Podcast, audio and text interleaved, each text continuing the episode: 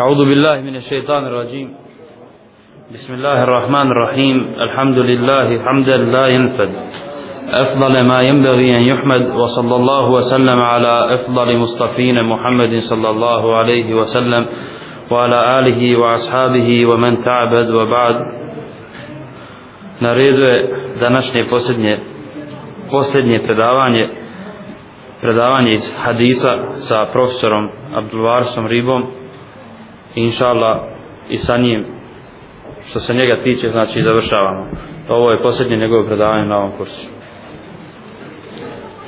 أعوذ بالله من الشيطان الرجيم بسم الله الرحمن الرحيم الحمد لله رب العالمين والصلاة والسلام على أشرف الأنبياء والمرسلين رسولنا محمد وعلى آله وصحبه أجمعين وسلم تسليما كثيرا يا أيها الذين آمنوا اتقوا الله حق تقاته ولا تموتن إلا وأنتم مسلمون Poštovan braćo, sestre, na početku zahvaljujem Allahu svevišnjem gospodaru svjetova na svim blagodatima, a posebno na blagodati imana i upute. I donosim salavat na poslanika, Allahovog miljenika, koji nam je dostavio objavu, dostavio nam istinu i ukazao nam na pravi put. Sallallahu ta'ala alaihi wa sallam. Kao što je najavljeno, danas ćemo govoriti iz hadisa o jednom svakako bitnom i značajnom hadisu, iako je kratak, u sebi nosi mnoštvo poruka, mnoštvo pouka i posebno je aktuelan u ovom vremenu, jer odnosi se na jednu temu o kojoj i tekako treba često govoriti, a to je tema stida. Stida. Inače, hadis je li, Na arapskom glasi, a nebi Hureyreti radijallahu anhu, kal, قال النبي صلى الله عليه وسلم الإيمان بضع وستون شعبة والحياء شعبة من الإيمان U prevodu ovaj hadis glasi, jeli, kojeg prenosi Abu Hurir od poslanika, alaihi salatu wasalam, da je rekao Iman se sastoji od 60 i nekoliko ogranaka ili dijelova a stid je dio ili ogranak imana hadis bilježi Buharija znači ovo je e, tekst kojeg je zabilježio Buharija sličan hadis bilježi muslim jel? a koji je malo širi pa se navodi da se iman sastoji od 70 nekoliko ogranaka i da je najveći vid imana da sto riječi la ilaha illallah Allah A najmanji vid imana je ukloniti ono što smeta ljudima na putu. Mi ćemo govoriti danas znači o dvije teme. Prije svega dotačemo se na početku značenja imana. Mi smo nekada i govorili o, to, o toj temi komentarišući hadis, onaj veliki hadis o islamu, imanu i ihsanu, jel? Kada je Džibril došao da poči poslanika, alaihi salatu wasalam, i pitao ga je šta je to islam, pa mu je odgovorio, jel, pa šta je to iman, pa šta je to ihsan, to su stupnjevi ili, ili stepenovi vjere, stepenovi vjere islama, jel. Kaže poslanik alaihi salatu wasalam, iman se sastoji od 60 i nekoliko ogranaka ili dijelova. Inače je termin iman, u nas se prevodi kao vjerovanje, jel? Mada to ovaj, nije precizan prijevod ima znači šireg značenja i obuhvata ne samo vjerovanje akidu ono što je jeli, što je u našim srcima što što vjerujemo nego obuhvata i obrede islamske obrede obuhvata svako dobro djelo obuhvata moral obuhvata ahlak je naše ponašanje znači sve riječi sva, e, znači, sva dobra djela, bilo da se radi u našim postupcima ili riječima, obuhvata iman. Kao što vidim iz ovog primjera, da je poslanik Ali Isila, to sam vam rekao, u hadisu kod muslima, da je iman i uklonuti, odnosno dio imana je uklonuti ono što smeta ljudima na putu. Znači vidimo da je islam cjelokupna sveobuhvatna vjera koja obuhvata sve segmente ljudskog života od, od onog najvećega to su to je priznavanje samo Allaha za Boga i onog najnižega to je uklonuti prepreku prepreku ili ono što smeta ljudima na putu najmanji vid imana znači iman je nešto sveobuhvatno i mi nećemo potpuniti svoj iman dok ne upotpunimo sve ove ogranke i dijelove to vam isto recimo neka ovaj piramida koju slažemo je ili neka ovaj građevina koja se slaže od određenih dijelova elemenata znači nećemo potpuniti tu građevinu dok svaki element ne stavimo onda gdje treba na njegovo mjesto zato poslanik alejselatu vesselam je u mnogim hadisima govorio nećete biti potpuni vjernici nećete upotpuniti iman dok ne uradite to i ovo i tako dalje navodi se nekoliko primjera Znači, psanik Ali Islalatu Veselam je često govorio, nećete upotpuniti svoj iman dok ne budete takvi i takvi, ili dok ne budete radili to i to. Znate li neki primjer hadisa koji počinje ovako? Nećete biti potpuni vjernici dok šta? Znači, jedan od poznatih primjera hadisa jeste nećete biti potpuni vjernici dok svome bratu, muslimanu, ne budete željeli ono što želite i sebi. Sebe. Naravno, misli se na dobro. Jer čovjek može sebi željeti zlo, i onda ne smije željeti to u svom bratu. Kaže, ja želim sebi, želim i njemu. To ne može. Čovjek dođe, nađe se često, jeli, u situacijama kada, u iskušenjima i tako dalje, kada priziva sebi zlo, moli Allaha za zlo. To je zabranjeno, jel? čovjeku musibitima, iskušenjima mora biti strpljiv. Znači, mnogi iz hadisi u kojima poslanika Ali Isla Tusa nam kaže nećete upotpuniti iman, znači dok ne budete činili to i to i tako dalje. Znači, mi možemo imati osnovu i temelj imana. To je ono vjerovanje u Allaha i one imanske šarte i onda svoju vjeru, tu građevinu nadograđujemo.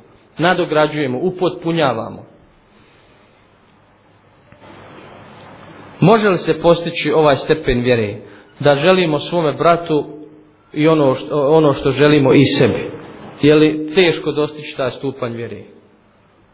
Je li teško dostići? Nije, mislim da nije teško. Za prosječnog vjernika, prosječno, je li dobrog vjernika, nije teško dostići taj stepen. Znači da mu želi dobro kao što želi i sebe. Međutim, ima veći stepen iznad toga je to je da više voli svome bratu nego sebi. To ako je bilo prisutno ovakvih slučajeva, jel, to je u prvim generacijama shaba, jel, tabina, to je danas, možemo kazati, vrlo rijetko ili skoro da se ne može naći. Da čovjek voli više svome bratu nego sebi. Dođete, ali nekad je viška nešto. Dođete, nađete se u situaciji kada vam je nešto prijeko potrebno i u, znači u prilici ste da to dobijete, međutim potrebno je vašem bratu. Znači ima istu potrebu. U tom slučaju, znači, ako želimo postići ovaj stepen, moramo njemu dati prednost. Iako nam je samima potrebno. O tome govori Kur'an, jel? O prvoj generaciji ashaba, da su oni davali prednost svojoj braći, mada i njima samima bilo potrebno. To je vrhunac vjeri. To je vrhunac vjeri. To ne znam ja danas, ovaj, da, da, iako postoji ljudi u ovom vremenu takvih, onda su vrlo, vrlo rijetki vrlo su rijetki. Znači ovo, ovo prvo utiče na potpunost našeg imana. Mi uistinu nećemo biti potpunog imana dok ne potpunimo ove stvari kojima apsolanika ne islata se nam govori. Prije svega znači dok ne budemo svojem bratu željeli ono što želimo i sebi. Nećemo biti potpunog imana. Dok možemo potpuniti iman bez ovog vrhunca, znači nije obaveza, odnosno nije uvjet da bi upotpunili iman da više volimo svome bratu nego, nego sam sebi. Ja. Do čega se stid uvrštava u iman, a ne u islam? Zbog čega se stid spominje unutar imana, a ne unutar islama? Znači, mi smo govorili da su islam određena djela, šehadet, namaz, poz, ekad, hađu, jel? Međutim, ovdje se iman spominje, ne spominje se sa ovim djelima, sa islamom, nego sa imanom. Da bi ovo shvatili, moramo znati šta je to iman. Šta je to iman? Znači stid se uvrštava u iman zbog toga što može biti što stid može biti samo produktom duboko korijenjenog imana u našim srcima. Znači ako u našim srcima nije ukorijenjen iman i ako nije ovladao u našim srcima, znači to čvrsto vjerovanje, bez sumnje, bez kolebanja, onda ne možemo postići ovu vrlinu stida. Zato ćemo naći mnoštvo ljudi koji i klanjaju i poste i obavljaju i druge vjerske obaveze, međutim, fali im stida. Nemaju stid. Ili im je vrlo tanak, vrlo slab. I zato ćemo naći jel, da, da, da, da takvi ljudi, da im svašta u obraz, kažu, ono, može stati. Svašta mu obraz može stati. Nije ga stid kazati ni ovo, ni ono, ni uvrijediti drugog i tako dalje. Znači, zbog toga je ima ovaj stid produkt imana, a ne islama. Čovjek može primiti islam, tek ušao islam, kao oni beduini, oni ovi jeli, ovaj, čobani koji su primili islam, pa, pa su rekli mi smo mu'mini, to jest mi imamo iman. A, a poslanik Ali Svatel sam nam rekao, ne, vi ste muslimani, niste još dostigli, dostigli taj stepen imana, da vam je vjera čvrsto i duboko u vašim srcima. Kada to postignete, onda ćete biti mu'mini, pravi mu'mini. Postavlja se pitanje koje je veoma bitno, šta je to stid, kakva je to osobina i koje su vrste stida? Šta je to stid i koje su vrste stida? Islamski učenjaci kare, e, definišu stid kao karakternu osobinu, osobinu našeg karaktera koja se ogleda u izbjegavanju i nečinjenju neprijatnosti. Znači stid je osobina, karakterna osobina čovjeka koja se ogleda u tome da izbjegavamo neprijatnosti, znači izbjegavamo ih, mi ih ne činimo i ne činimo ih drugima. To je stid. Koje su vrste stidan? S obzirom na porijeklo, stid možemo podijeliti na urođeni i na stečeni. Na urođeni i na stečeni. Naravno, svako od nas se rađa sa određenom dozom stida. Svaki čovjek se rađa sa određenom dozom stida. Svaki čovjek Neko to više naslijedi od svojih predaka, neko manje. Međutim, svi imamo osnovu. Osnovu, znači te osobine koju možemo nadograđivati kroz svoj odgoj. U djetinstvu, u ranoj mladosti i u znači, kasnoj mladosti i tokom svoga života. Znači, stid imamo osnovu i trebamo ga uzgajati i nadograđivati kao osobinu. Niko se nije rodio bez stida. Znači ovaj urođeni stid s kojim se čovjek rađa, to je stid e, na osnovu kojeg se razlikuje od životinje. Životinja nema stida. Životinja nema stida u ovom smislu koje mi govorimo. Znači životinja nema stida u onom širijetskom smislu.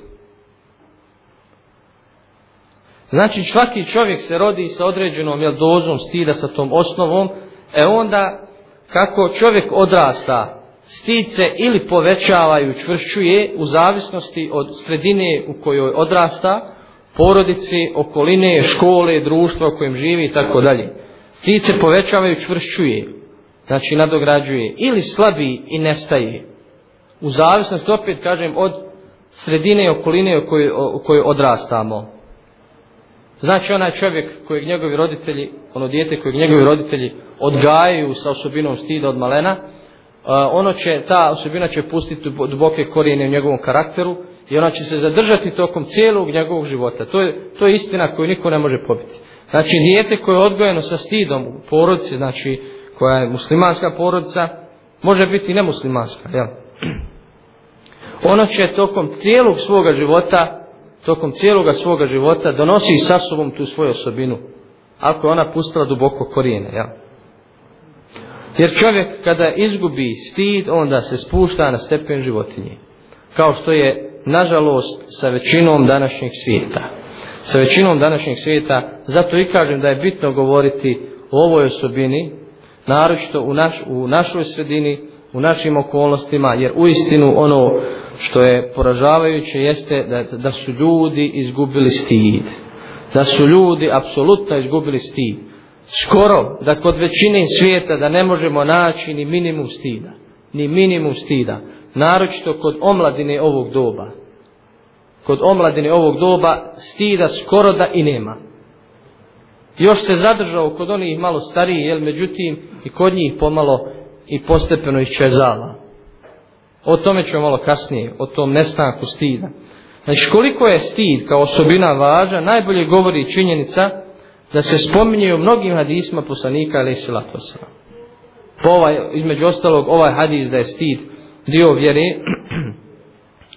onda hadis kojem poslanik ili silatosa nam kaže svaka vjera ima svoju narav, odnosno nešto po čemu je prepoznatljiva, neku osobinu po kojoj je prepoznatljiva. A kaže narav ove vjere je stid. Znači osobina, karakterna osobina po kojoj je prepoznatljiva ova vjera je stid.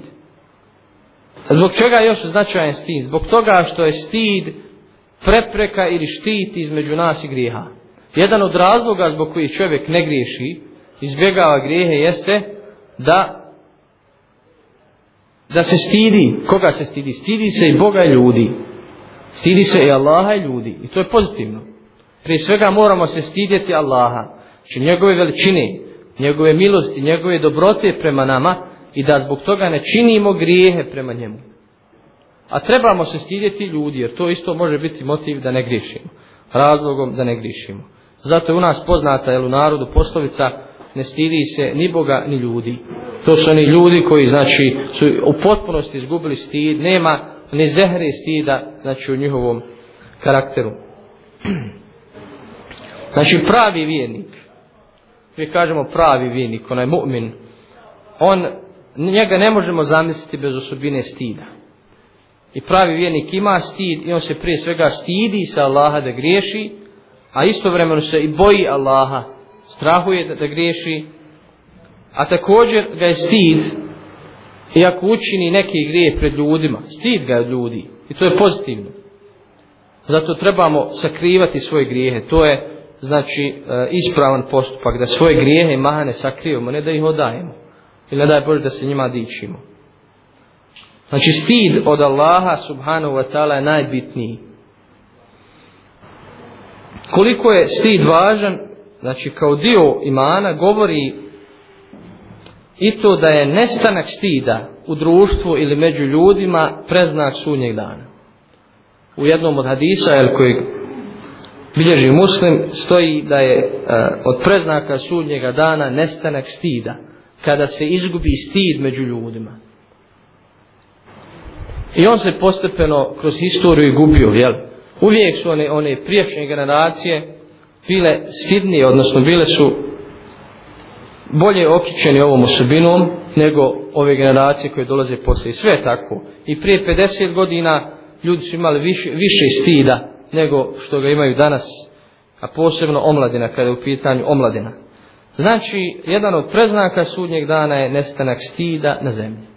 Možemo slobodno kazati, osim u rijetkim podnebljima i zemljama, da je, da je stid ovdje kad govorimo o našem jel, podneblju, da je skoro iščezno osim kod pojedinaca i kod grupica. A to ćemo potvrditi činjeničnim, e, činjeničnim primjerima, vidjet ćemo. Jel. Također, poslanik Alihi Salatu se nam kaže, ono što je ostalo ili što se prenijelo od prošlih poslanika je izreka, ako nemaš stida, onda radi šta god hoćeš. To jeste, ako nemaš te osobine, onda u tvoj obraz može sve stati. Nema ništa da te spriječi da griješiš. To je tumačenje hadisa. Ako čovjek izgubi stid, onda je sve moguće od njega. Sve moguće. Ne, ne, nećemo govoriti o tome da ne pada Allah na srđu. Nego da čini najgnusnija djela, najgnusnije zločine. Ne tajno, nego javno. Pa ćemo čuti kako je čovjek neudobila da Allah sačuva uh, silovo majku, sestru, pa čak i čerku, takve primjere. Znači to su ovaj to su situacije kada apsolutno nema nikakvog stida, ni od Allaha, ni od ljudi. Zbog toga je bitno, draga braćo, poštovane sestre, zbog toga je bitno da prije svega kod sebe uzgajamo tu osobinu stida, da je sačuvamo, da našu djecu odgajamo u duhu, znači te osobine, da tu osobinu ugrađujemo u njihov karakter, da ih, da ih čuvamo, znači, tokom mladosti, da ih navikavamo na, na stil i tako dalje, jer ako to ne uspijemo dok su djeca, poslije će biti sve teže i teže. Međutim, ovdje je bitno napomenuti da postoji stid u vjerskom značenju, širijetskom značenju i stid kod nekih ljudi koji ga, koji ga tumače na svoj način. Jel? U šerijetskom značenju stid je ono što sprečava čovjeka da čini jeli, i da govori ono što ne valja i što je neprijatno. Da govori, da čini bestidna djela i da govori bestidne riječi. To je stid u šerijetskom značenju. Dok danas kod nekih ljudi, znači u nekim, po nekim njihovim ličnim mjerilima, jeli, stid je nešto sasvim drugo. Danas se ljudi stide stvari koje trebaju, kojim trebaju biti dika i čast.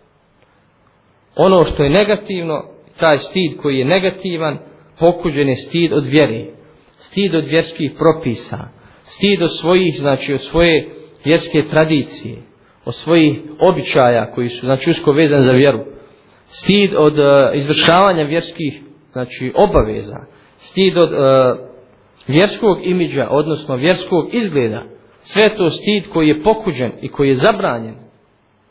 Nažalost, danas, danas roditelji uče i odgaju svoju djecu da se stide vjere, da se stide onoga što je vrijedno.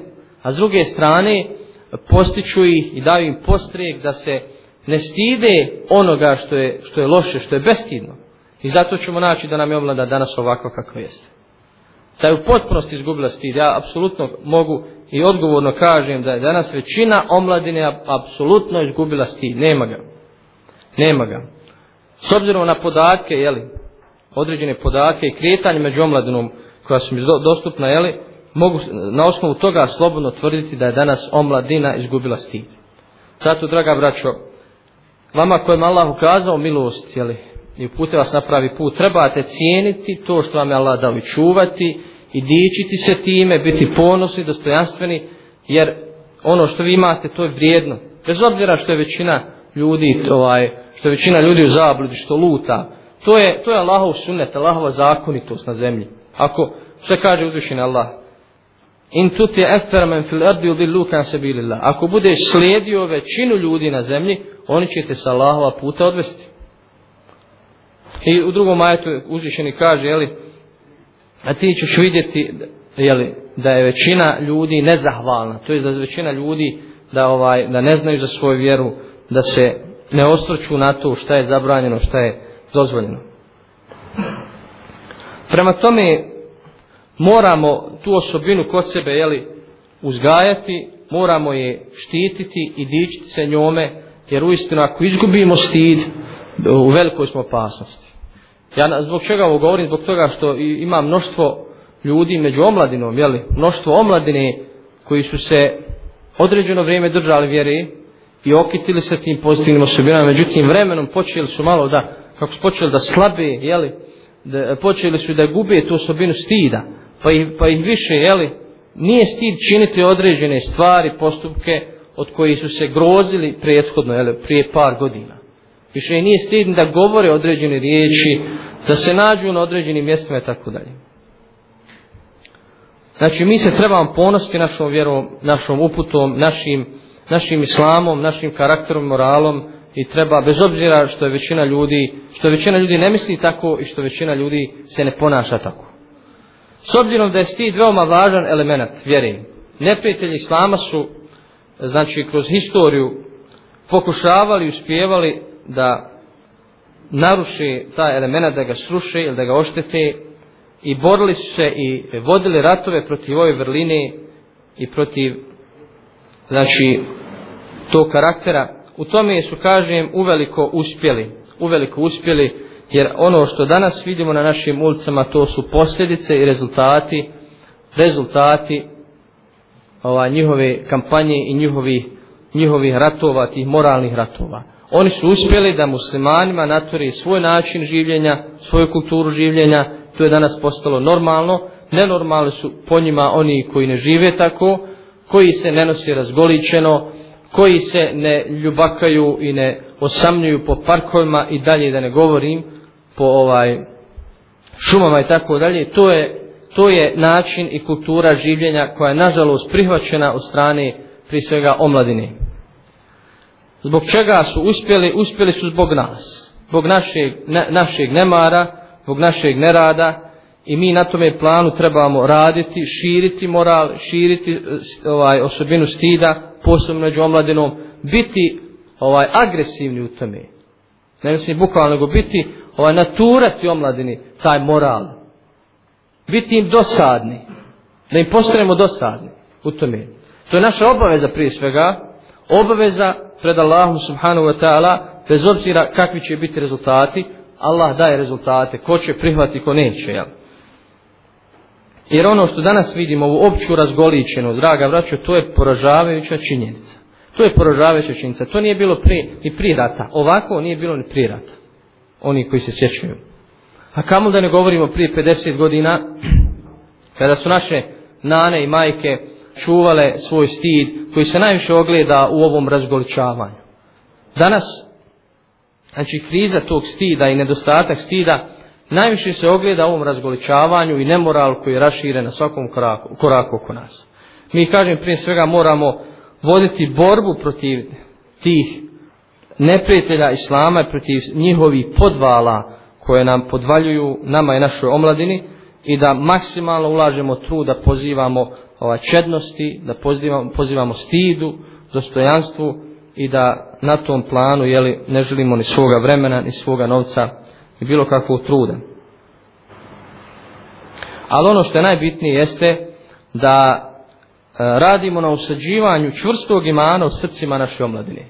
Ako uspijemo to, znači da usadimo čvrst iman u srcima naše omladine, onda ćemo uspjeti da izgradimo i sve ostale potrebne osobine između ostalog i stida. To je osnova. Jer kako govoriti, kako govoriti o stidu nekome ko apsolutno nema pojma o vjeri. Ne govoriš o stidu, treba stidjeti po kuću. Šta se stidi kad sam se ja navikla ovako da hodam i da ovo radim što radim? Jednostavno, takav je grijeh. Ljudi se vremenom navikavaju da im, da im recimo, neki gnusni postupci, neki grozni postupci, koji su možda u prošlosti za njih bili takvi, postanu normalni normalne. Prije recimo 40-50 godina e, djevojke u to vrijeme nije bilo je sramota da iziđu recimo bez marame. Bez jemenije i tako, to su bile običaje današ, na, našeg naroda.